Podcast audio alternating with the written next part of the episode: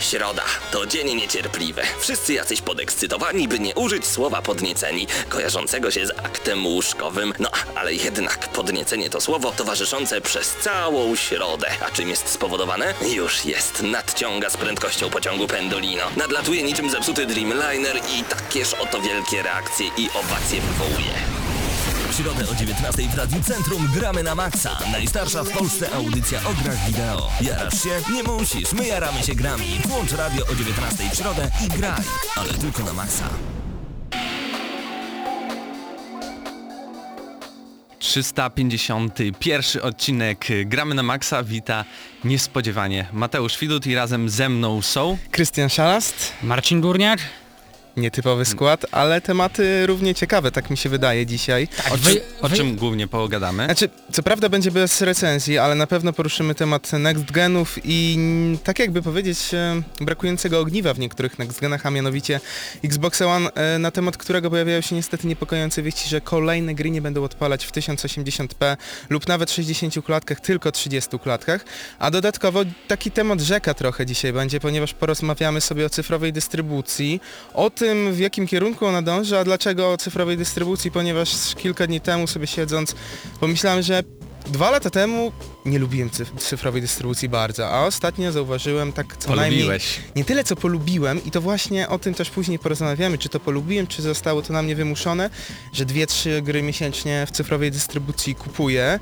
No i w pewnej, y, w pewnej części można powiedzieć, że to jest zasługa tego, do jakiej strony, w jakiej stronie zmierza, ale o tym później. I dodatkowo jeszcze porozmawiamy z Marcinem o jesieni Tytanów, Tak, czyli, czyli Titanfall. beta Graliśmy już Titanfall. betę. Tak, oboje graliśmy. No ja- Mamy dużo do powiedzenia. Krystian ma trochę mniej, bo jemu się tej gry uruchomić nie da. Zresztą ja też miałem duże problemy z uruchomieniem Titanfalla początkowo na swoim notebooku. Yy, wiecie co, przykro dowiedzieć się po półtora roku posiadania laptopa, że mając... Że nie działa Titanfall. Ale to według mnie jeszcze co do Titanfalla nie działa dlatego, że te komputery są za słabe, tylko może to być wina jednak bety. Może być wina Bo- bety, może być tak. wina braku odpowiednich sterowników do niektórych kart graficznych od y, Nvidia, bo my akurat y, testowaliśmy chyba na GeForce'ach, ja Tak, na GeForce tak. przynajmniej, ale mi chodzi, no mimo, że próbowałem odpalić po prostu Titanfalla wcześniej na zintegrowanej karcie graficznej, nie wiem jakim cudem mi się to udało, gra nawet, nawet poszła, tylko klatkowała tak straszliwie, że matko boska. No i standardowe pytanie też, w co ostatnio graliście w ubiegłym, minionym tygodniu. Ja szczerze mówiąc nic nowego, to samo co tydzień temu, czyli Hotline Miami, które urzeka, urzeka. Co prawda nie miałem tyle czasu, żeby się wciągnąć, bo niestety, ta gra wciąga, stety, niestety. No i Injustice, przeszedłem sobie kampanię dla pojedynczego To, gracza. co, co uważasz? Wiesz co, uważam, że to jest naprawdę dobra kampania, jak na, nie tyle nawet jak na bijatykę. Ja jestem fanem komiksów, fanem DC, chociaż jeszcze bardziej Marvela. Ale możesz powiedzieć, że jest to lepsza kampania niż ta zaprezentowana we wcześniejszej produkcji. Mortalu? Tak, dokładnie. Jest lepsza według mnie, jest bardziej spójna, bardziej wciągająca, nie jest za długa, bo to jest około 4-5 godzin, ale to są 5 godzin, które fani DC będą, spędzą bardzo, bardzo e, fajnie, a do tego mamy masę, masę, tony kontentu w tej grze.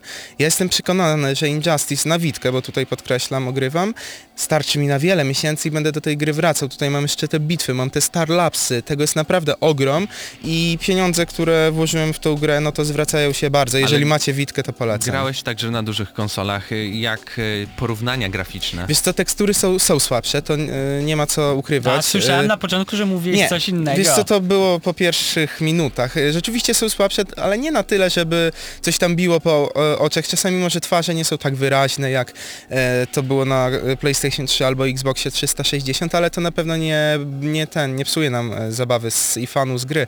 Jest naprawdę dobrze i jeżeli chodzi o bijatyki na mm, PlayStation Vita, no to jedynie e, nie tyle co ustępuje, jedynie równie dobrą jest no Mortal Kombat, więc NetherRealm Studios po raz kolejny udało im się. A ty Marcin? Final No. Fantasy nadal?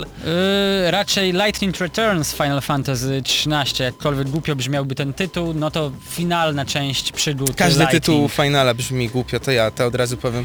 Dostajemy Finala 13 część, nie, drugą odsłonę 13 części, ale to jest tak naprawdę trzecia odsłona 13 części. Ja się budzę, bu, tak w ogóle nie wiem o co chodzi momentami. To, że nie wiem o co No chodzi nie w Finalu, w ogóle.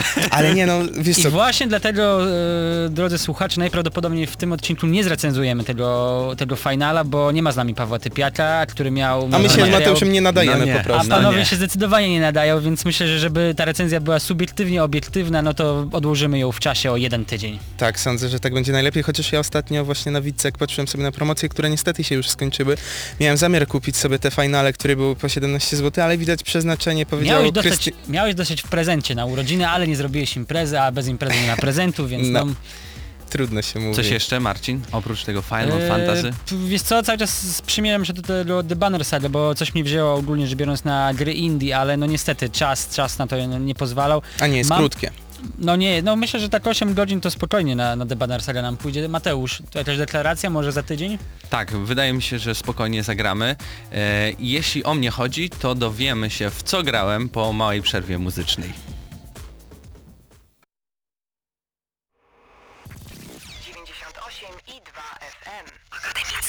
Radio Centrum. Reklama. Masz ochotę na gorącą czterdziestkę? Albo ostrą trzydziestkę? Wystarczy jeden telefon. Najlepiej wypieczone pizze tylko na dowóz w wytwórni pizzy w Lublinie. W menu 44 pizze i możliwość skomponowania własnej wedle gustu. Do tego 10 rodzajów promocji. Telefon 81 465 2828. Szukaj nas na wytwórniapizzy.pl Reklama.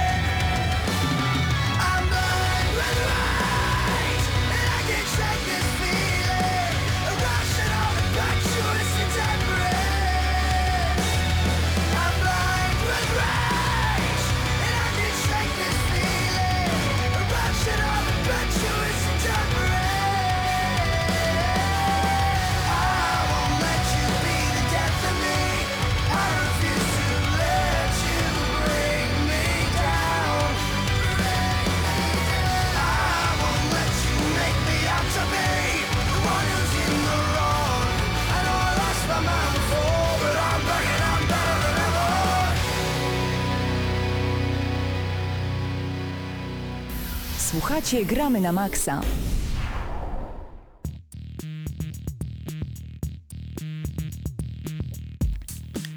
Powracamy w Gramy na Maxa. 351 odcinek, mamy 19 lutego. Chciałbym wszystkich naszych słuchaczy zaprosić na naszego czata www.gramynamaxa.pl. Klikacie tam na ikonkę e, czat i wchodzicie, a tutaj na naszym czacie Ankalog, Bisu, Dylu, Havien, Saidak, Złowrogi Turu, Doniu 21, Igimat, e, Michael, Pedro, Pytajnik, Ray, Mr. Lonari, e, albo Lanori, przepraszam, Rosen, Canon 7 i Konrad e, 930, dużo, dużo To osób, się trochę nam narobiło. No, ale was Mateusz, miałeś powiedzieć w co grasz ostatnio, coś ciekawego? Co to No za w- tajemnica? Wspominaliśmy o tej grze w sumie, o tych dwóch grach. e, Beta Titanfalla oczywiście, no i druga gra to The Banner Saga i muszę wam powiedzieć, że no Jest? ś- Dobrze? świetnie, świetnie, dobrze. Y, Szkoda, że nie, nie piękne- grałeś w Broken Age, a mielibyśmy okazję trochę porównać te dwie produkcje, no bo obie są jakby indie, obie były zrealizowane przez, poprzez Kickstartera, więc jest, byłby to jakiś temat. Jeśli chodzi o Banner Saga, to jest taki świetny mismasz, y, mismasz y, z jednej strony y, Heroes Might and Magic, y, można Trochę The powiedzieć, Walking Dead trochę pewnie? The, The Walking Dead, y, takiego klasycznego mortobicia. No naprawdę jest No to świetnie. ciekawy, ciekawy No i w projekt. sumie chyba te, The Secret of the Monkey Island, jeżeli chodzi o jakby sposób zaprezentowania świata, te, te rysunkowe po prostu... No przerywniki filmowe No dokładnie. są o, magiczne. No to jak Naprawdę widać, poleca, polecam, polecam sprawdzić na pewno za tydzień powiemy coś dużo, dużo więcej o tej grze i, i dowiecie się ocenkę, ciekawe oceny. Tymczasem co u Sony? Yy, cyferki, kolejne cyferki, Co jeżeli chodzi stało? o PlayStation 4. Dobrze się dzieje. No dobrze, przynajmniej dla Sony, ponieważ PlayStation 4 sprzedaje się niczym ciepłe bułeczki i oficjalnie zostało najlepiej sprzedającą się konsolą w historii firmy. W przeciągu trzech miesięcy PlayStation 4 rozeszło się w 5 milionach, ponad 5 milionach, dokładnie 5 milionów 300 tysięcy egzemplarzy. Jest to wynik, który z pewnością robi duże wrażenie, a jeżeli porównamy sobie to z innymi konsolami od Sony, tylko utwierdzimy się w tym przekonaniu, ponieważ dla porównania do tej pory najszybciej sprzedającą się konsolą e, jeżeli chodzi o Sony, było PlayStation 3, które po czterech miesiącach e, uzyskało 3,5 miliona, więc po miesiąc dłużej było na rynku, a 2 miliony gorzej, e, jeżeli chodzi o wynik, a do tego warto powiedzieć, że za dwa lub trzy dni w Japonii debiutuje PlayStation 4. No i co, co powiesz, bo ty jesteś naszym analitykiem e, Tak. do spraw e, Shigeru, e, sprzedaży. Nie, jeżeli chodzi o Japonię, no to same preordery mówią, że będzie dobrze, będzie bardzo dobrze. Ja obstawiam, że w, pod koniec marca, nawet nie pod koniec marca, tylko no tak za 3 3-4 No, co tam tygodnie. obstawiasz? Obstawiam, że PlayStation 4 miliony. wtedy, e, nie, 2,5 miliona obstawiam w Japonii.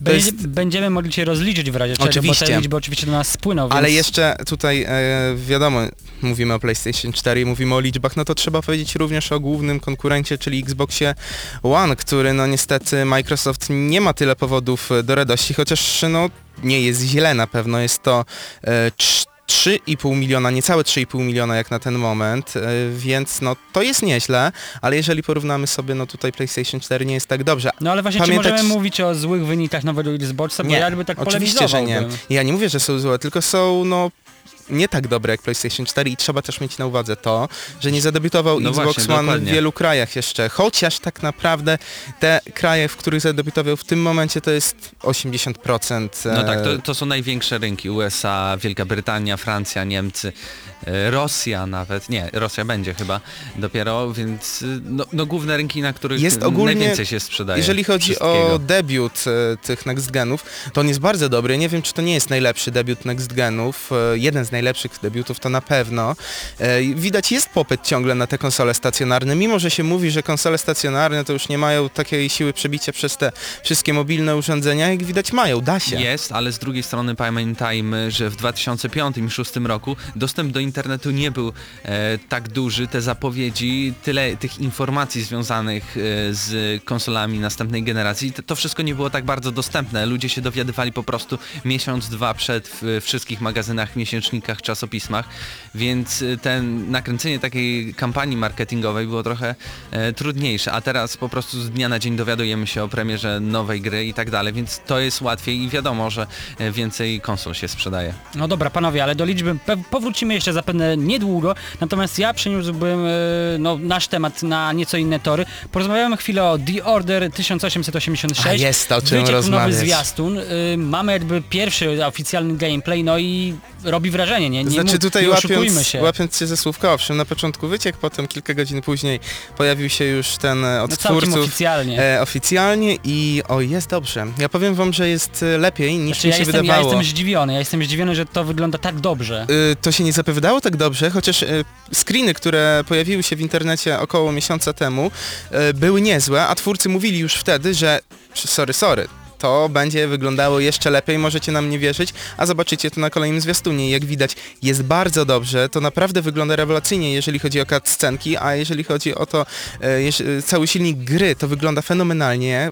Nie tylko to, jak gra wygląda, o sama, sama oprawa graficzna, ale te wszystkie krajobrazy, jak oni to stworzyli. No, to ale jakie krajobrazy? Tak Tam, naprawdę... nic tam nie widzieliśmy, widzieliśmy tylko był- kawałek Londynu. Znaczy, no właśnie, nie ale Londyn, ten- Taką małą uliczkę pomiędzy jakimiś Ale jeżeli ktoś lubi te domkami. steampunkowe, steampunkowe klimaty, no to właśnie to już go złapało za serce, ponieważ ja właśnie tego oczekiwałem. Ale pytanie, czy cała gra będzie właśnie osadzona w takich jakichś wąskich korytarzach, bo wiadomo, w wąskich korytarzach zrobienie ładnej gry jest proste. Niekoniecznie. Znaczy, ale się wiesz, ta grafika wyglądała naprawdę dobrze i w porównaniu do tych produkcji, które do tej pory widzieliśmy, no nie jest tak, że Powiedziałbym- Jezu, opatrz powiedziałbym szczęki, tak. ale jest nieźle. jest Modele nieźle. postaci są niezłe, e, twarze zrobione są ultra e, realistycznie, ale cała reszta jest już na takim, Nie, powiem, nie, nie zgodzę się. Wiesz co, bo nawet to, co oni mówili o tych wszystkich swoich dziwnych, magicznych silnikach nowych, które wykorzystują do tworzenia nawet e, tekstur, e, podłóg, e, czy tych wszystkich, w ogóle wszystkiego, to to jakaś ich autorska technologia, która nie pamiętam co prawda jak się nazywa, może w przerwie to sprawdzimy,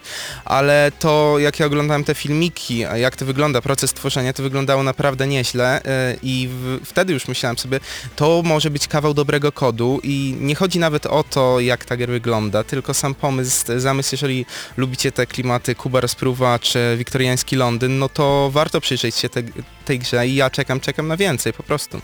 Tutaj akurat skojarzyło mi się to twoje hokus pokus y, z tymi silnikami. Co z tego, że silnik graficzny jest świetny, co z tego, że gra wygląda super ultra realistycznie, wręcz bym powiedział fotorealistycznie, jak w Metal Gear Solid 5 Grand Zero spodziewam tylko dwie godziny, o tym już wiemy, ale wiemy również, że wersja na Xboxa One będzie wyglądała nieco gorzej niż wersja na PlayStation 4. O co dokładnie chodzi? Kolejny pstryczek w nos dla posiadaczy Xbox One. Zapewni oczywiście Konami. Nowe dzieło Hideo Kojimy będzie wyglądało nieco gorzej na nowej konsoli Sony, yy, oj, na nowej konsoli Microsoftu, co ja mówię. Obydwie wersje na konsole nowej generacji będą obsługiwały 60 klatek na sekundę, jednak niestety Xbox One doczeka się zaledwie, zaledwie 720, 720p, natomiast PS4 1080. I to jest już duża różnica, jeżeli e, ktoś na przykład gra sobie na 55-calowym telewizorze, e, włączy sobie tego Metal Geara, e, na Xboxie One będzie to 720p, obok będzie miał też 55-calowy telewizor, ale podłączony do PS4 będzie, naprawdę wtedy będzie różnica zauważalna, bo na tych 32-calowych e, telewizorach może tego, no takie oko naprawdę bardzo To sokole. znaczy, e, tutaj od razu pozdrawiam Zdenia, który sam powiedział, że na 32 calach on już zauważa różnicę. Nie wiem, czy masz e, jakieś ultra oczy, no ja też to, tą Znaczy, różnicę widzę. To może, niektórzy zauważają bardziej, niektórzy mniej, to zależy od wzroku, ale no na 50-calowym telewizorze to spokojnie zauważymy. Na więc- 30 też. Tak naprawdę na każdym, nawet na monitorze 20-calowym Ale- zauważysz y, różnicę Tak, pomiędzy zauwa- HD, zauważę, HD, ale im 900p. większy telewizor, to będzie też ta różnica biła po oczach i no ja nie wiem, co ten e, Microsoft robi, czy ta konsola rzeczywiście ma tak słabe możliwości, że Nie, nie, nie, mogą nie. tego nie, nie, nie, zrobić. zdecydowanie nie, to nie to. Ale na też razie warto... sterowniki są niedopracowane DirectX-owskie. Trochę polecieliśmy tutaj już taką technologią nieznaną dla, dla wszystkich naszych słuchaczy, ale e, po prostu oprogramowanie jeszcze e, Xbox One nie jest na tyle dopracowane, by móc po prostu wykorzystać e, No ale pełny oprogramowanie potencjał. PlayStation 4 jest dopracowane, więc Sony potrafiła, Microsoft nie. Ja pytam No dlaczego. ale Microsoft zmieniał praktycznie konsolę w pół roku. Tworzył nową konsolę, bo No dobrze, pamiętajmy, ale że ona inaczej Ja wyglądała. się zgodzę, ja się zgodzę, tylko że ty zauważ, że przez pół roku oni mogą naprawdę dużo dużo stracić, bo korowi gracze, którzy wahają się nad zakupem Next Gena, ponieważ nie są ani jakimiś fanboyami Sony, ani Microsoftu, czekają na te plusy, minusy jednej i drugiej. Jeżeli zauważył, że gry po prostu wyglądają gorzej na konsoli od Microsoftu, no to kupią konsolę od Sony, więc oni nie powinni czekać pół roku, miesiąca, dwóch. Powinni zapewnić już graczy, że będzie lepiej, a oni w tym momencie mówią, nie tyle, że będzie lepiej, tylko że wcale nie jest źle to, że na konsoli konkurentów wygląda to lepiej, nie oznacza, że u nas wygląda gorzej, chociaż to zabrzmiało bardzo dziwnie i tu widać sprzeczność. No, Microsoftie powinieneś coś zrobić w tym momencie, bo klientów możesz stracić. No i niestety Metal Gear Solid y, 5 Grand Zeroes nie jest jedyną grą, która będzie no, obsługiwała trochę gorszą y, grafikę. TIFF, jak donoszą twórcy, również będzie obsługiwał zaledwie 900p, a PlayStation 4 dostanie aż 1080, więc znowu dostajemy kosza, jeżeli chodzi o Xbox One. Ale tu wracając jeszcze do tego Metal Geara, nie wiem czy przyglądaliście się tym zdjęciom porównawczym wszystkich e, konsol i e, tej generacji już poprzedniej, e, tam naprawdę widać straszne różnice. Ja sobie patrzyłem na to Xbox Patrzysz pewnie na 360. ziemię, nie? Jeżeli chodzi o te No, ale e, gałki deszcz. oczne nie bolą jeszcze, Znaczy, już bez przesady. wiesz co, może nie bolą, ale różnica, ja nie wiem, czy oni wybrali takie naprawdę słabsze momenty tej gry i zrobili te screeny, żeby zachęcić do zakupu next-genowych wersji, ale to wyglądało, to była naprawdę kolosalna różnica A ja ci powiem, mnie. że ja w ogóle tej różnicy nie zauważę, jeżeli te dwie, dwie godziny dwie godziny gry będą na tyle dobre i satysfakcjonujące. No ja tam tej różnicy na pewno w ogóle nie zauważę, ponieważ Metal Geara raczej zagrać nie mam zamiaru, Mateusz pewnie też nie, ale tu niestety mamy bardzo smutną, smutną wiadomość. E, Może o tej smutnej wiadomości zaraz po przerwie Dokładnie, muzycznej to- wrócimy. No, tak więc y, do zobaczenia. Posłuchajcie sobie dobrej muzyki.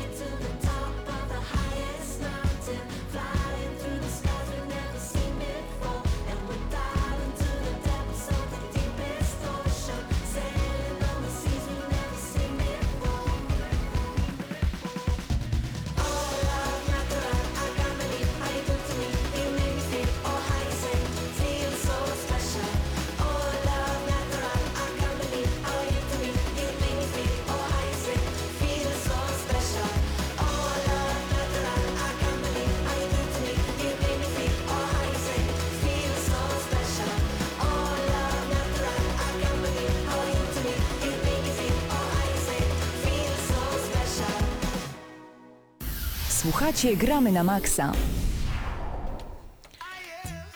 Mieliśmy smutne wiadomości. No, Właśnie, Krystianie, Tutaj, co, no co to- takiego smutnego się stało w naszej branży No gier ukochanej? niestety, wczoraj wieczorem dowiedzieliśmy się, że e, Irrational Games, czyli studio odpowiedzialne za markę Bioshock, e, niestety będzie działać na dużo mniejszą skalę, ponieważ zostanie zredukowane Ale do 15... będzie działać. Będzie, ale no po Ale części... na trochę innych zasadach. No na dużo to innych za zasadach. E, No zredukowanie do 15-osobowej ekipy. No i tutaj pojawia się pytanie, czy możemy oczekiwać równie dobrych projek- projektów i czy możemy oczekiwać Bioshocka? Bioshocka od nich nie, Dobra, ale... powiedz właśnie co z tym Bioshockiem. No tak, no to ogólnie zacznijmy od tego, że Ken Levine, e, czyli szef studia Irrational Games na oficjalnej stronie internetowej, co nieco się rozpisał i poinformował nas o wielkich zmianach. E, Troszeczkę mówił o tam historii studia, ale to nie jest tak interesujące w tym temacie. Twórcy Bioshocka od tego momentu będą egzystować, jak wspomniałem przed chwilką, w 15-osobowym składzie, który skupi się na tworzeniu mniejszych projektów. E, To najprawdopodobniej będą gry indie. E, I co jeszcze? Będzie to dystrybucja cyfrowa, do której teraz można już zaczynać nawiązywać. Za chwilę e, zaczniemy temat odcinka i czy to dobrze, czy źle. No to jest dziwne. To jest dziwne dla mnie, że w ogóle coś taki krok zrobili, bo to było duże studio, któremu wiodło się dobrze, Bioshock sprzedał się dobrze, więc e, no, zrywanie współpracy z 2K Games, e, które będzie miało prawa do marki Bioshocka, e, pod tym względem fajnie, tylko że no nie wiadomo co oni z tym zrobią. W- Wiesz co, to, to wszystko układa mi się w taką, jed, takie jedno podobne studio. Astronauci nasi polscy też odeszli z dużej firmy, też założyli mniejsze dziesięcioosobowe studio, też robią gry, które będą e, z, z, po prostu z, z, większą, e, z większym nakładem na, na fabułę. No i też będą wydawali w cyfrowej dystrybucji. Wszystko się zgadza. Ale No tak, Myślę, że ale powinni ten- zacząć ale ten kooperować ze sobą. nie zerwał współpracy z Take-Two, to trzeba też zaznaczyć. Poza tym e, nie wiemy jak będzie wyglądał nowy Bioshock, ale wiemy, że na pewno wyjdzie. Nadal czekamy na dodatek, e, na drugą część e, Burial at Sea. która który uka- już jest no, ju- już- na już- ukończeniu już i on wyjdzie jako e, No, od poza Irrational tym, Games. Panowie, nie oszukujmy się, ja wiem, że wiele osób nie lubi rozmawiać o pieniądzach, ale ja jestem pewien, że tam, tam toczy się sprawa o naprawdę grube dolary, grube Pewnie pieniążki. tak, ale jak widać cyfrowa dystrybucja, być może to jest przyszłość, jeżeli takie giganty jak Irrational Games z Kenem Levinem na czele, który jest według mnie no, osobą odpowiedzialną za te scenariusze zrobione świetnie do Bioshocka, e, więc no odchodzą wielcy ludzie, naprawdę wizjonerzy według mnie, oni naprawdę zrobili świetnie te Bioshocki, więc no nie jest to dobrze z jednej strony, ale z drugiej strony nie odchodzą z branży. Najprawdopodobniej dostarczą nam w przeciągu najbliższych miesięcy, lat kolejne świetne projekty, może to nie będzie Bioshock, to nie będzie Bioshock, ale może będą to dobre gry po prostu, no więc e, jak będziemy rozmawiać sobie o tej cyfrowej dystrybucji, to poza tym pierwsze co się nam takie skojarzenie może pojawiać, no to nośniki, a tutaj jak widać to nie jest najważniejsze.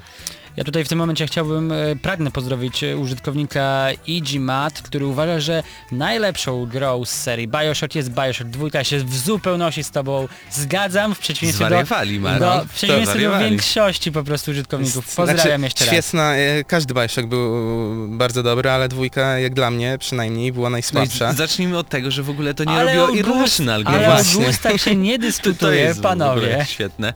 Macie jeszcze jakiegoś newsa, czy może jeszcze przed e, tym tematem głównym odcinka pogadamy z Marcinem o Titanfallu? E, No ja myślę, co? że możemy chwilę E, Ja tylko jeszcze chciałem powiedzieć, e, tak jeżeli chodzi o sprzedaż gier, no to w Wielkiej Brytanii Delegio Movie Video Game, które być może za tydzień, może za dwa tygodnie Czekaj, czekaj, czekaj. Ja to Ale- przetłumaczę. Lego, film gra. Tak. Lego E, jakbyśmy mieli tak tłumaczyć i e, co, nawet To jest bajeczne. Co ja, co oglądaliśmy, ja oglądam, co ja gram. c- oglądaliśmy e, animację, e, która e, f- nie jest zła, nie jest dobra, ale recenzje są zdecydowanie zawyżone.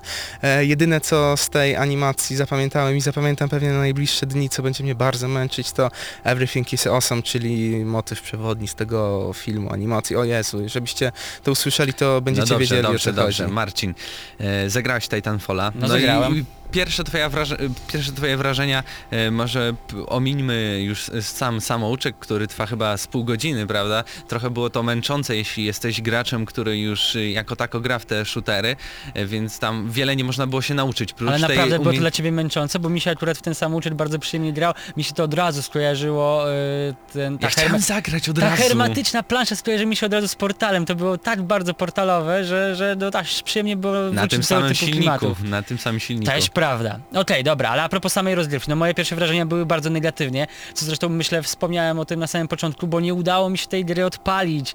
Próbowałem to zrobić na zintegrowanej karcie i zachowałem się po prostu jak człowiek, który nie powinien się tutaj pojawiać. W każdym razie Titanfall, drodzy słuchacze, jest miodny. Jest miodny, jest miodny, ale jak e, twoje porównania, jeśli chodzi o inne gry, bo ja Znaczy- kiedy zasiadłem do Titanfalla, to zobaczyłem tak, Battlefielda, Call of Duty, e, tak Ale gdzie pomieszane, widzisz tego Battlefielda? Naprawdę, bo ja go nie widzę w ogóle w tej produkcji. taki rozpierdusze. No to ja widzę Call of Duty. Nie no, stary, No, no, proszę naprawdę, cię, ale tam 6 się na, tyle dzieje, 6 na to jak w 6 plus boty. je- jeżeli miałbym opisać Titanfall w jednym zdaniu. Call of Duty z jetpackami plus jeszcze roboty. To może z, Tyle. tak, z takim Halo trochę to, to, się łączy, e, powiem szczerze. E, Znaczy, nie, nie oszukujmy się, no na, na, na potrzeby bety została opublikowana jedna albo dwie mapy, chyba dwie, bo ja tak pamiętam, że skakałem po tych dwóch mapach. Mamy oczywiście jump, jump packa, czyli, czyli to urządzenie, które pozwala nam skakać, poruszać się bardzo szybko po całej mapie i jest ono bardzo przyjemne. Ja nie powiem, że na, na tyle, na ile pograłem, to jestem w stanie powiedzieć, że jestem mistrzem posługiwania się tym sprzętem i od razu jestem w stanie wykorzystać się w walce, ale jestem pewien, że jeżeli ktoś ogra ten tytuł w około 50-60 godzinach, to będzie robił niesamowitą rozpierduchę na, na polu bitwy i będzie ten jump pack miał znaczny wpływ na to, jak będzie ta rozgrywka wprowadzona. Tak naprawdę y, w samym samouczku było to pokazane tak, e, że tam możemy się odbić od ściany, możemy przejść kawałek, ale jeśli już gramy po dwóch godzinach, to naprawdę na tej mapie możemy zrobić wszystko. Salta, A nie miałeś na początku e, wrażenia, że, latanie że w ogóle boisz się trochę po, poskakać po tej mapie, bo ja początkowo biegałem po niej. Dopiero z czasem zacząłem znowu po niej skakać i zauważyłem, że to ma sens. Jeden wielki chaos, dopóki właśnie nie pograłem dłużej i zrozumiałem, że jednak w tym są jakiś porządek, ręce i W nogi. tym chaosie jest jakaś zasada. Ja właśnie, o, właśnie miałem dwa pytania mam do was, bo ja nie grałem. No Po pierwsze, czy po tych kilku godzinach, które spędziliście z Titanfallem, e, opracowaliście jakąś jedną taką technikę, która wam pomagała wygrywać, czy może rzeczywiście tylko ten chaos? Tak, jest taka, nie wsiadać do Tytana. Ej, wiesz co, ale dokładnie, masz rację, coś w tym Naprawdę. jest, bo Przeżyjecie dużo, wtedy. dużo łatwiej gra się kierując jedynie pilotem, który jest moim zdaniem uber potężny już na, na wstępie. E, tych możliwości broni w becie do wyboru mieliśmy, no jak, zwykłe SMG, karabin, taki standardowy, e, dwa pistolety chyba w podstawowej wersji, no i jakaś snajperka, jak tam się odblokowało, jakieś tam e, specjalne perki. No czyli taka standardowa opcja, która, która jest najbardziej podstawowa w każdym Call of Duty. Do tego oczywiście mamy właśnie te karty, a w ogóle co to karty? Nie wiem, odkryłeś je w ogóle? Korzystałeś Nie, z nich? nie. To są specjalne karty, które odblokowują nam się po każdej bitwie i możemy je sobie wklepać w trzy jakby takie sloty i w momencie, gdy zginiemy, możemy je uaktywnić. Przez co każdą następną, e, każdy następny respawn rozpoczniemy właśnie z dodatkową umiejętnością, z lepszą bronią, czy to na tytanów, czy to na, na zwykłych pilotów. No, to daje nam pewną przewagę w Drugie bitwie. pytanie mam, czy nudzi się Titanfall, czy wciąga bez reszty i No i zapominacie o wciąga. Wiesz co, no ja, ja przyznam szczerze, że był taki moment, tylko nie mówcie o tym mojej dziewczynie. że był Umówiliśmy się i nie poszedłem, bo Eee. wolałem Titana. Nie, nie, nie, totalnie nie, ale był moment, kiedy myślałem, żeby położyć się o północy i tak nawet pamiętam, że była rozmowa kończąca, kiedy już mówiliśmy sobie dobranoc, a ja wtedy włączyłem Titanfalla i zmieniłem ustawienia graficzne i Boże kochany, grałem do Uś- trzeciej. Uśpił kobietę i poszedł grać w Titanfalla. A widać, to Titanfall jednak ma Titanfall tytaniczną naprawdę siłę. wciąga. A, jeżeli chodzi o betę, to maksymalny poziom oczywiście, który możemy osiągnąć to poziom 14. Ale Więc nie odkryjemy- poziomy lecą od razu. Ciach, ciach, ciach, No ciach. praktycznie Wyzwania. Ja w ciągu poziom, jednej bitwy zdobyłem dwa poziom. levele, więc y, no tak, to jest możliwe, ale oczywiście zależy od waszych umiejętności, zależy od tego ilu pilotów, y, no i ile NPC-ów zabić. W ogóle co z tymi NPC-tami, bo to by zabrzmiało głupio jak to powiedziałem. No, no to są takie trudno, trudno powiedzieć, to są takie zapychacze na tej, e, ta- na tej które mapie. niestety jest bardzo łatwo zabić. Dla mnie to No, był ale akurat mały problem, Czy bo ja wiem? Wtedy nie czuję się tak, że ciągle ginę. Ale, ale nie miałeś czegoś takiego, że ja byłem pewien, że moja pierwsza rozgrywka w tej grze będzie zakończona totalną porażką, że wyjdę z niej, no nie wiem, albo totalnie przegrany, albo nic nie zdobędę i będę miał minus 10 śmierci.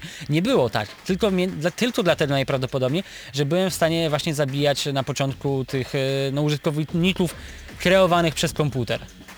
Ale no nie okej, wiem, no. wy, wypowiadajcie się w komentarzach na czacie, e, co sądzicie o becie, czy już graliście, bo oczywiście jest ciągle otwarta. A Jeżeli już, oczywiście nie tak, wiecie, tak. to beta na Xboxa One jest otwarta już tak całkowicie, więc na PC, żeby pograć w Open Betę będziecie musieli jeszcze troszeczkę poczekać. Tak, a my zaraz wracamy z tematem odcinka.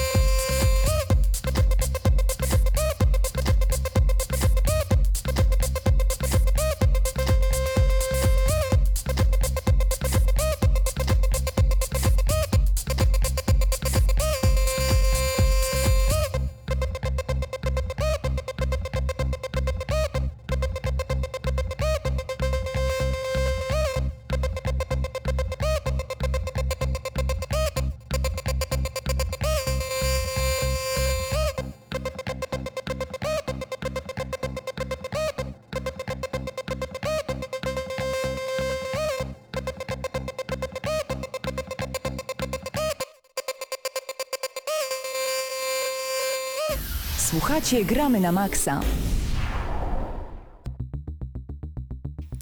Świetna muzyka, prosto z Hotline Miami, e, w które przez ostatnią tą przerwę muzyczną zagrywał się Marcin. E, Okazję. Tak? Miałem okazję w nią zagrać i jestem po prostu, no zginąłem chyba z 10-15 Nie, no, razy. ja Pięknie, piękna gra. Krystian powiedział mi w przerwie, że w ogóle Marcin nie wie co się dzieje, Nie to wie co prawda? się dzieje. Ale ja wiem, co się dzieje, ginę. Były flaki zbierane. Dobra, Chciałeś panowie, dodać coś tak, jeszcze w dwóch o zdaniach, e, bo tutaj zostało wspomniane między innymi właśnie na czacie, chyba przez Mister Lanoriego, pozdrawiam znowu. E, tak, to jest trochę jak e, Shogo, ale jeżeli nie mieliście okazji pograć, to proponuję wam zagrać w e, betę, chyba jeszcze betę, Houkena. To jest dopiero gra dla fanów mechów i jeżeli myślicie, że Titanfall to jest to, co ty, tygryski lubią najbardziej, Mówię wam serio, mylicie się. A druga sprawa, tak, Smart Pistol jest niesamowicie przepakowany i jeżeli tej broni nie usuną w oficjalnej wersji gry, no to... Nie, no nie, nie przesadzaj. Ona jest, Jest, przepakowana na jest krótkim strasznie. dystansie, ale to właśnie to jest jej zaleta, że jest e, efektywna na krótkim dystansie, a na długim jest po prostu niczym, bo po prostu ona tylko namierza najbliższych przeciwników. No okej, Najbliższych. no to na tych mapach, na których graliśmy w becie, może i nie Zobaczymy, była taka jak będzie w wow, tych ale mapach. na Dobra, innych... spokojnie, panowie, przechodzimy do tematu odcinka. Krystian, Bo- zaczynaj. No mamy kwadrans, więc mam nadzieję, że nam to starczy. Temat odcinka, Temat przyszłość, życia. e, przyszłość dystrybucji cyfrowej i ogólnie co o niej uważamy, jak myślimy, jak ona się w ogóle rozwinie, tak jak powiedziałem wcześniej. No dlaczego dystrybucja cyfrowa? Ponieważ w ostatnim czasie ja sam po sobie zauważyłem, że kupuję coraz więcej gier w dystry, dystrybucji cyfrowej i w żadnym stopniu mi to nie przeszkadza, tylko dlatego w większości przypadków, że e, taka gra jak Hotline Miami, 10 zł na nią wydam. Super, no dlaczego się nie cieszyć e, z wydanych 10 zł na tak dobrą grę. Ale jeszcze e, tak słowem wstępu warto powiedzieć, e, czym jest dystrybucja cyfrowa. I tutaj taki najprostszy opis, idąc za takim pięknym portalem, którym jest Wikipedia, jest to metoda bezpośredniego rozpowszechniania treści, takich jak oprogramowanie, gry, muzyka, filmy itd., itd. e, za pośrednictwem internetu. Kilka lat temu, e, jeszcze jak nie była tak rozwinięta cyfrowa dystrybucja, jak jest w tym momencie, ponieważ pojawi- pojawiają się kolejne sklepy, już nie tylko Steam, nie tylko Origin, jest tego naprawdę, naprawdę bardzo dużo. E, Było tak, że gry były bardzo drogie, było ich e, mało i nie opłacało się tego robić. A może bardziej e, nasze łącza były na tyle słabe, że nie opłacało się po prostu kupować tych gier i ściągać, bo to zajmowało więcej niż przejść się, przejść się do najbliższego sklepu i po prostu e, kupienie danej produkcji. No tak, ale jest mnóstwo osób, które dalej jednak mimo wszystko, mimo tej dystrybucji cyfrowej, która cały czas jakby zdobywa e, coraz liczniejsze grono użytkowników, no nadal są osoby, które wolą pudełka. Co z takimi osobami? To jest główny problem i na przykład ja, która, osoba, która Ty rzeczywiście... nie jesteś głównym problemem, ale możemy ale porozmawiać właśnie- o cyfrowej Możemy porozmawiać o twoim Ja, problemie. nie, ja mam też ten problem, że uwielbiam pudełka i nie poświęciłbym cyfrowej, znaczy pudełek na cyfrową dystrybucję jednak. I Ja tutaj dla- tylko powiem słowem wstępu, że tak, Krystian uwielbia pudełka i mogę to potwierdzić, bo widziałem jego pokój, więc słuchacze, wierzcie nam na słowo, pokój Krystiana jest zawalony pudełkami. I e, mi to na przykład nie przeszkadza, chociaż znam osoby, które już narzekają na to, że nie mieszczą im się te gry na, na półkach. No ale właśnie, co z takimi osobami? Tutaj jedynym rozwiązaniem jest to, żeby gry były naprawdę dużo, dużo tańsze. W tym momencie są oczywiście promocje, ale w dniu premiery, na przykład jeżeli mamy do wyboru, ja przynajmniej jak mam do wyboru e, Grand Theft Auto 5 za 260 zł na PlayStation 3 po, e, za pośrednictwem PlayStation Network, a w sklepie mogłem sobie kupić to za 199 zł, No to wiadomo. bez wahania. To... Ale z drugiej strony warto tutaj e, nadmienić, że w ostatnich dniach Microsoft zapowiedział na swoim Xboxie One, że te produkcje, które należą do niego, zostaną w cyfrowej dystrybucji znacząco obniżone i także na premierze startują z Rice'em, więc widać, że robią coś w tym y, kierunku. Ciekawe jak wszystkie te sieci, które rządzą jednak Ameryką, Walmart, y, Amazon i tak dalej, bo one na pewno zjedzą Microsoft e, od stóp do głów. No i to jest akurat podejście, które jak najbardziej trzeba poprzeć, bo Microsoft e, odrobił swoje lekcje, jeżeli chodzi o, chodzi o cyfrowy marketing. No tak, tańsze. Jeżeli produkcje będą tańsze, to będzie sens je właśnie kupować poprzez cyfrową dystrybucję i nie będzie można powiedzieć, okej, no nie mam pudełka, no ale to, no to jeżeli ktoś ma ochotę, niech płaci na przykład 70 zł za pudełko, ma do tego prawo. A mam do Was takie jeszcze pytanie. Na przykład y, weźmy tutaj na warsztat y, Na przykład cały sezon The Wolf Among Us, na przykład... Season Pass. Season Pass. y, 79 zł, 80 zł, jakoś w tych okolicach kosztuje. 69 chyba nawet, Eee, ale to już nie ważne. Mniejsza z tym, No tak, ale, ale, ale nie jest to dużo. I teraz pewnie do porównania weźmiesz edycję pudełkową. Nie, nie, nie. I pytanie, nie ma edycji pudełkowej. Czy na przykład jeśli by kosztowała 120 zł, czyli powiedzmy dwa razy więcej, to kupilibyście edycję pudełkową czy cyfrową? Jakby była różnica 40 zł I, i I na przykład byłoby w tym pudełku pudełko instrukcja. wiesz co, tutaj e, po pierwsze, jeżeli... Znaczy wiesz co, ja e, myślę, że zły przykład, bo jednak e, Season Pass do The Wolf Among Us czy do The Walking Dead to jest tak, że no te odcinki można przechodzić co jakiś czas albo przejść sobie je wszystkie razem, więc zależy po prostu czy chcesz kupić całość gry, czy po prostu kawałki. Znaczy akurat w przypadku takich e, gier jak The Walking Dead, The Wolf Among Us e, czy innych takich epizodycznych produkcji, no to akurat cyfrowa dystrybucja jest świetna. W tym wypadku jest Ale byś się nie skusił, nawet powiedzmy inaczej jeszcze. Jakbym już E, miał. ja- jakbyś dostał jeszcze w tym pudełku kilka ciekawych dodatków. Komiksy na przykład. Komiksy to na tak, przykład. To ja już bym wtedy pomyślał, ponieważ akurat jestem I, za, fanem. I zawsze dla mnie w, w tym momencie właśnie przychodzi edycja pudełkowa i mówi mam dla ciebie, dla, do zaoferowania dla ciebie co, coś więcej niż tylko kawałek gry. I nie, zauważy, nie zauważyliście tutaj takiego małego problemu, jeżeli chodzi o zmiany w branży gier, w ogóle zmiany na, zmiany na rynku, bo mamy wersje cyfrowe, mamy wersje pudełkowe, przy czym wersje cyfrowe są momentami horrendalnie drogie, nawet droższe niż wersje pudełkowe. Dwa, mamy wersje pudełkowe, które oferują nam dużo więcej, tak zwane edycje kolekcjonerskie. Tylko czemu do diabła edycje kolekcjonerskie często kosztują 300, 600, czy nawet 1000 zł. Titanfall Dokładnie. 1099 zł w jednym z Więc- polskich sklepów. Znaczy ja e, wiem, że akurat edycja pudełkowa kolekcjonerskiej wersji Titanfalla z tym e, LEDowym tytanem, ona może kosztować tak dużo, no To bo to okej, to, tak. jest, to robi wrażenie, ale zestaw mieczy do Dark Souls, żeby kosztował około 400-600 zł, no To już nie. Właśnie tutaj pojawia się kolejny tak jakby odłam tej cyfrowej dystrybucji, bo gry grami, to wiadomo, e, tutaj pojawiają się, tak jak powiedzieliśmy, te pewne problemy, ale cyfrowa dystrybucja to również dodatki, również wszystkie mieczyki, stroje dla naszych koników i tak dalej, i tak dalej. E, I tutaj twórcy często to wykorzystują, ponieważ e, w cyfro... łatwo mi, przynajmniej, jak sobie chcę jakiś dodatek kupić, dużo łatwiej siedząc rozłożonym w fotelu, gram super RPG, kończę go i mam taki niedosyt, a nagle pojawia mi się informacja, wyciągasz kartę, kupujesz, masz super dodatek właśnie wyszedł, o którym nawet nie wiedziałem i wtedy nawet y, ta umysł tak, ale całkowicie szk- szkoda też, bo teraz y, oczywiście wychodzą jakieś dodatki do RPG-ów, ale to są jak, jakby takie zestawy misji, które popierdółki. starczają na godzinę, dwie. A pamiętajcie na przykład Gothic 2. Y, Tam, gdy wychodzi dodatek, on wychodzi w pudełku i mieliśmy Noc Kruka, który, to była po prostu jakby druga gra. Która ogóle- dodawała niesamowicie duży Dużo teren. rzeczy i w ogóle zmieniała podstawową wersję gry i to było świetne, I bo tu się pojawia wychodziło, problem. wychodziło y, w wersji pudełkowej sam dodatek, co już teraz się Znaczy w ogóle, nie, nie, nie zdarza. myślicie, że jest trochę śmieszne, że określamy mianem dodatku y, rzeczy takie jak właśnie DLC? Dla mnie dodatek to dodatek, a DLC to DLC. Na samym początku, gdy zaczęła powstać idea DLC, nadal mieliśmy bardzo dobrze określone pojęcie, czym jest dodatek. Dodatek to po prostu jakaś rzecz poszerzająca w znaczny sposób y, świat gry, czy to właśnie poprzez dodanie nowego terenu, czy to poprzez dodanie nowej klasy postaci, a DLC to może być po prostu zestaw mieczy. No, No ale to się już niestety zazębia i niestety ktoś, kto mówi, że to jest dodatek, a nie jest dodatkiem, już niestety to tak jak to wygląda w tym momencie nie jest to dobre, ale co ja chciałem powiedzieć i co jest niedobre, jeżeli chodzi o cyfrową dystrybucję, no to tak jak powiedziałem, łatwiej nam jest wyciągnąć e, szybko w domu tą kartę kredytową, wklepać kodzik i tak dalej. I nie zastanawiamy się wtedy nad tym zakupem aż tak mocno, jakbyśmy byli w sklepie, przeanalizowali e, ten zakup do, od, e, s- od góry do dołu, chociaż to też zależy od e, ludzi, łatwiej nam wydać te pieniądze. I Jeżeli coś nawet jest dosyć słabe w tym aspekcie, cyfrowa dystrybucja, no to niestety dla twórców bardzo dobrze, oczywiście, bo mogą dużo więcej zarobić, nawet jeżeli zrobią coś nie do końca dobrego, a gracz skusi się poprzez markę. Zatem czy możemy w jakiś jednoznaczny sposób, okej, ja wiem, że to jest temat trudny, ale czy możemy powiedzieć, że cyfrowa dystrybucja jest dobra, albo czy cyfrowa dystrybucja jest zła?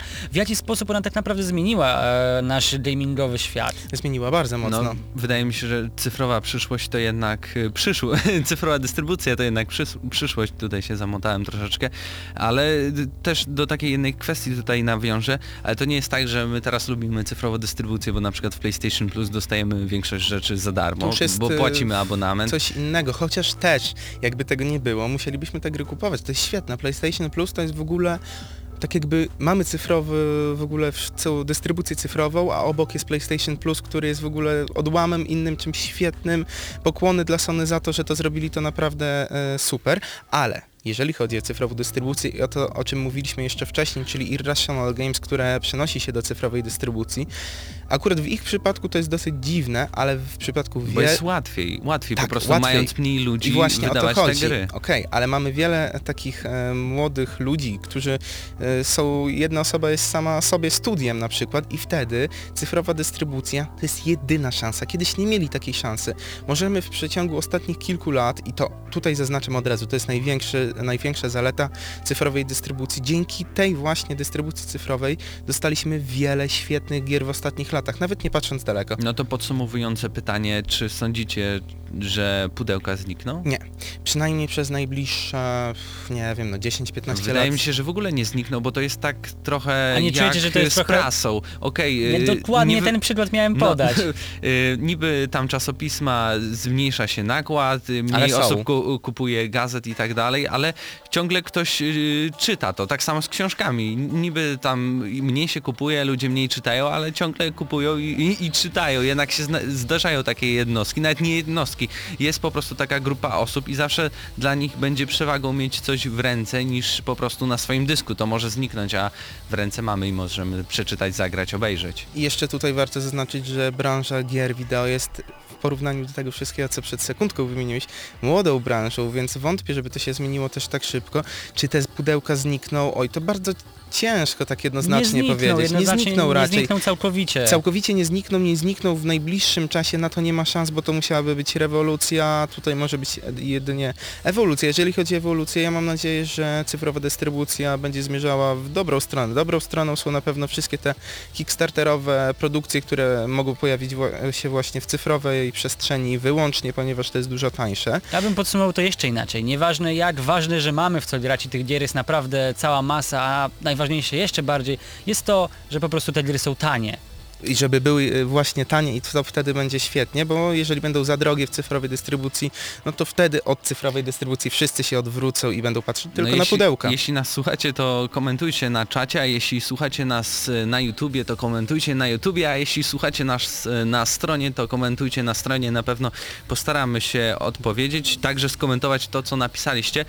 Już pozostało 5 minut, więc może już bez zbędnej przerwy przejdziemy do jakiegoś newsika, który wam został. Tak, no został mi taki jeden szczególny news dla fanów y, papieru właśnie, o którym my trochę powiedzieliśmy sobie na samym końcu. Y, w dniu dzisiejszym do polskich księgarni trafiła kolejna książka poszerzająca uniwersum Metro 2033. Tym razem y, Dziedzictwo Przodków a, autora Surena Kormudiana. Y, oczywiście wydawcą książki jest wydawnictwo Insilis i najprawdopodobniej o książce porozmawiamy sobie trochę więcej y, w przyszłym tygodniu, no bo książka już do nas, y, już do nas jakby jedzie, a niedługo możecie się spodziewać również e, konkursu związanego z książką Battlefield 4. Będziemy mieć dla Was dwa egzemplarze do rozdania, więc śledźcie naszego Facebooka, tam z pewnością więcej informacji na ten temat. E, Ty Marcin grałeś, w, znaczy grałeś, czytałeś te wszystkie książki z serii Metro i jak się zapatrujesz na tą kolejną zbliżającą się? Wiesz co, no bardzo ciekawie, bo mi się ogólnie sam projekt tego uniwersum bardzo podoba, bo no wreszcie wyszliśmy z tych zamkniętych moskiewskich e, terenów metra, no oczywiście też mieliśmy metro petersburskie i mi się bardzo podoba wizja postapokalipsy, w której co chwilę mamy przedstawione inne terytoria. Mieliśmy właśnie Włochy, e, teraz najprawdopodobniej mamy tereny Rzeszy, trzeciej Rzeszy i będziemy odkrywać właśnie tajemnice trzeciej Rzeszy, no a niedługo również projekt e, uniwersum metro 2033 sięgli najprawdopodobniej terenów e, Polski. Sądzisz te dwie linie metra i Znaczy właśnie Ca- nie wiem, cała zabawa, No, nie- książka będzie miała wtedy 50 stron Niekoniecznie może linię metra, Może ale wiem, że poszukiwania... małe. Nie, nie, nie. Poszukiwania autora, który miałby Aha. napisać polską książkę, wciąż trwają. Wydawnictwo Insulinis właśnie tym się zajmuje. Ja tutaj e, było metrze i ja jestem dzisiaj donosicielem bardzo złych, no bardzo, może nie tak bardzo złych. Złych, no nie będzie trójki. Mm, e, Nie będzie trójki a propos Borderlands. E, Szef Gearbox Software twierdzi, że studio nie ma obecnie czasu na produkcję trzeciej części Borderlands. O, jesteśmy tacy zajęci. W zamian pracuje ono nad dwiema nowymi markami. Randy Pitchford w rozmowie z dziennikarzami Game Informera potwierdził, że studio nie pracuje jeszcze nad kontynuacją Borderlands. Ale Według- jeszcze. Jeszcze tak. Według szefa Gearboxu jest to na to za wcześnie i nie chce lecieć e, w kulki wzorem e, Valve z Half-Life 3. E, Tym samym Pitchfork przypomina, że firma pracuje nad Brothers in Arms Furious 4, odnowionymi wersjami Homeworldów, a także nad dwoma niezapowiedzianymi next-genowymi produkcjami. I w tym momencie aż chce się zaśpiewać e, główny motyw przewodni niekończących się opowieści, czyli Neverending Stories, no bo po prostu motyw z Half-Life'em trzecim to jest już tak długo wałkowany temat, no ale Borderlands 3, okej, no Ale mamy kiedyś. jeszcze, e, warto powiedzieć, że mamy jeszcze A Tale of the Borderlands, e, co jest koprodukcją e, Z Telltale Games. Telltale Games, więc No fani czyli o Borderlands trochę jeszcze będzie w tym Będzie roku. i no, sądzę, że będzie bardzo dużo. Kiedy będzie, jeżeli będzie tak rzadko wydawane jak teraz The Wolf Among Us i The Walking Dead, no to troszeczkę słabo, bo ja liczę na to, że będzie ta no częściej trochę. Trzy miesiące teraz mam czekać znowu na The Walking Dead słabo. Nie, mam nadzieję, że będzie częściej, a wiemy, że jeszcze gra o Tron od Telltale Games, więc dużo ciekawych produkcji, więc e, ja czekam i, i na grę o Tron, szczególnie na grę o Tron, ale to Tale of the Borderlands zapowiada się naprawdę, naprawdę dobrze. No już tylko dwie minuty do końca naszej audycji. To był 351 odcinek e, Gramy na Maxa. E, W tle leci Will the Circle Be Unbroken, czyli temat z ostatniego Bioshocka, tak Temat a propos tych, tych, tych smu- Czyli smutnych żegnamy informacji. trochę tą żegnamy część ekipy Irrational Games. Games. Tak. Mam nadzieję, że wam się powiedzie w nowych studiach, może w Żegnamy, Stukai Games. żegnamy ich, także żegnamy Was, Was na YouTubie, ponieważ w tym momencie duża, e, duże grono e, naszych słuchaczy jest na YouTubie. Po, pozdrawiamy Was, obserwujcie nas. Będzie się pojawiać na najbliższym czasie trochę też ciekawych, mam nadzieję, materiałów. No i co, słyszymy się no, za tydzień. tak, e, ze mną byli Marcin Górniak. Krystian Szalast. i Mateusz Świdut. Przesłuchajcie ten utwór do końca, a zaraz audycja. Będzie mocno, będzie mocno. Again by and by, by and by is a better home awaiting in the sky, in the sky. You remember songs which you sang with childish voice. Do you love the hymns they taught you, or are songs of earth your choice? Will the circle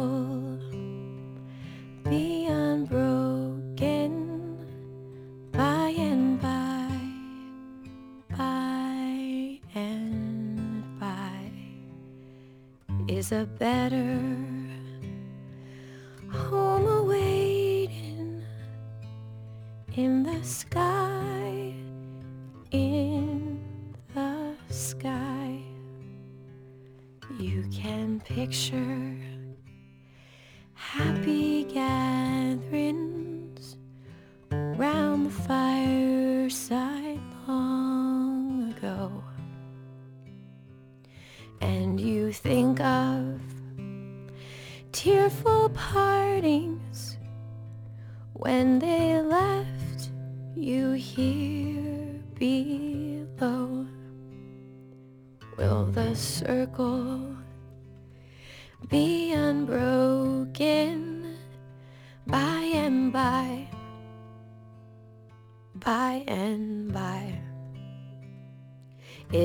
better